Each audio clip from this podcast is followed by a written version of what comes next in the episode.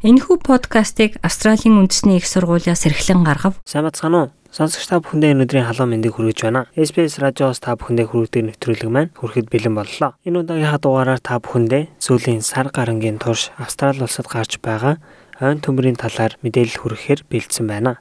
Австралийн хамгийн харанхуй зун New South Wales мужийн ойн төмөрт нас барсан хүний тоо нэмэгдсээр байна. New South Wales болон Victoria мужид гарч байгаа ойн төмөр үргэлжлэн гарсаар байна. Америкаас ирсэн 3 гал сонигч өмнөд эргийн орчин суугчгээд New South Wales мужийн ойн төмөрт нас барсан хүний тоо 25-д хүрлээ. New South Wales мужийн таамаглахын аргагүй ойн төмрийн улиралд 59 настай өмнөд эргийн оршин суугч гэртээ нас барсан байсан нь нийт амь насаа алдсан хүмүүсийн тоог 25-д хүргэсэн байна. New South Wales мужийн цагтаагийн хэлцээс ойн төмөрт нэрвэгдээд байгаа Морая дүүргээс түүний биеийг олсныг баасан гаригийн үд дунд мэдээлсэн байна. Энэхүү мэдээлэл нь Америкийн гал сөнөгчдийн агаарын гал унтраагч онгоц Кума дүүрэгт осолдож 3 Америк гал сөнөгч амь нас ирсэн мэдээлэлээс 24 цагийн дараа гарсан юм. Мөн тус өдөр Кобарго дүүрэгт айн төмрөөс орон гэрээ аврах гэж тэмцэж байгаад нас барсан аав хүү хоёрыг оршуулах үйл ажиллагаа болсон байна. New South Wales мужийн онцгой байдлын үйлчилгээний сайд Дэвид Элиот өнгөрсөн баасан гарагт энэ жилийн зуныг Австрали улсын хамгийн харанхуй зун хэмээн хэлж байсан юм. Ирэх жил дараагийн 10 жил бид үүнийг дахин давтахгүй байх гэж найдаж байна. Гэхдээ бодит байдал дээр дахиад давтах магадлал маш өндөр байна хэмээн Дэвид Элиот SBS News-т хэллээ.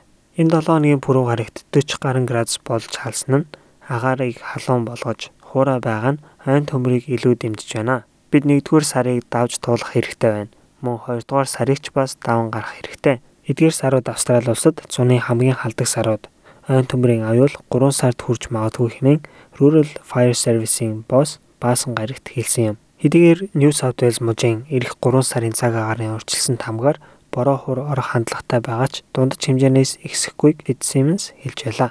Бид ган тайлах эсвэл ойн төмрийн улирлыг зогсоох дунджаас дээш хэмжээний хур тундас орно гэсэн сигнал авахгүй байна хэмээн Fitzsimmons хэллээ. New South Wales мужид одоогийн байдлаар 60 гаруй төмрийг хяналтанд авч чадаагүй асч байгаа бөгөөд үүнээс зөвхөн нэг нь л Watch and Act буюу буцаад асуул арга хэмжээ аав гэсэн байдалтай байгаа юм байна. Муж тус бүрийн мэдээллийг хүрэхэд New South Wales мужид одоогийн байдлаар 25 хүн амь насаа алдаж Бельги улсын газар нутагтай дүүцхүүц хэмжээний буюу 3.6 сая га газар төмөрт нэрвэгдсэн.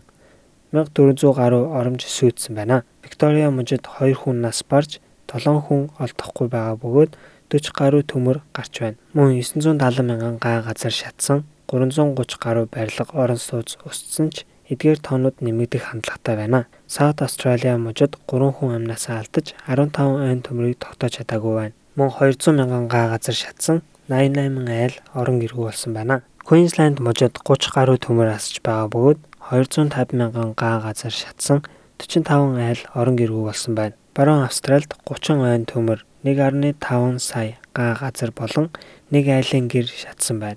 Тасманы мужид 23 төмөр 30 мянган га газар болон 2 айл Northern Territory буюу төв хэсгээр одоогийн байдлаар төмөргүй 5 айлын орон сууц шатсан. Мөн ACT мужид төмөргүүч бусад мужийн төмрийн утаа ихээр бүрхсэн байгаа юм байна. Байгаль орчны хувьд хэмжээлшгүй гарч гарсан нь зөвхөн тоо хэмжээг сонсоход харагдаж байгаа юм. 1 тэрбум 250 сая ан амтан устж өгөө болсныг WWF буюу World Wide Fund мэдээлсэн байна. Энэхүү тоо хэмжээг төмөрт нэрвэгдсэн газрын хэмжээ, нүүлгэн шилжүүлсэн амьтдын тоо, Сидней их сургуулийн профессор Крис Дикманы шинжлэх ухаанд үндэслэн гаргасан байна. Монголчуудын маань хувьд хувь хүн албан байгууллагууд хандивын аян идэвхтэй зохион байгуулж байгалийн энэхүү аимшигт үйл явдлыг даван туулахад хувь нэмрээ оролцоож байна. Монгол улсын засгийн газраас мөн Австралийн Монгол цугаа элчин сайдад өөрсдийн тусламжаа мөн үзүүлсэн гэдгийг мэдээлж байсан.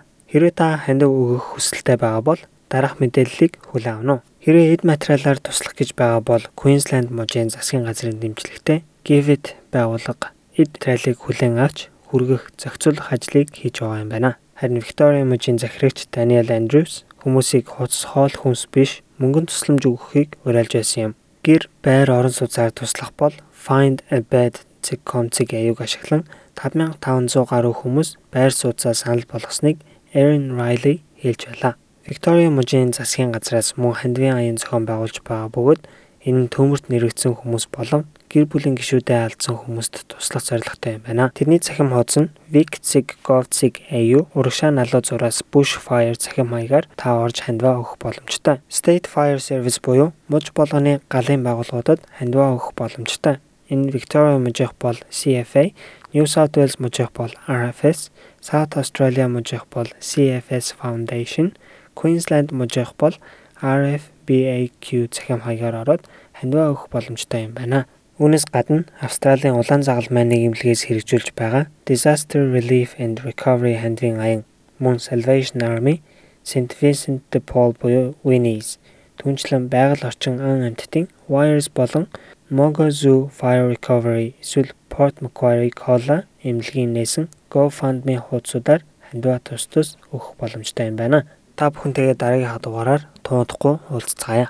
Монгол өв уламжлал Монгол гэсэн өрмөц онцлогоо бид хэрхэн хадгалах вэ? Австралийн тэргуулах зэргийн их сургууль болох Австралийн үндэсний их сургууль нь монгол хэлний онлайн курсыг танд санал болгож байна. Монгол хэлийг сурснаар танд өөрийн сурлага, ажил мэргэжилдээ цааш дахин дэвших боломж гарах болно. Монгол хэлийг бүх шатнд сурч болохоос гадна та хаанч амьдардаг байсан зайнаа сурах боломжтой юм. 2020 оны эхний улирлын эсэлд 12 сард эхлэх болно. Дэлгэрэнгүй мэдээллийг Asia Pacific цэг, ANU цэг, EDU цэг, AU зураас languages холбоосоор орж авна уу?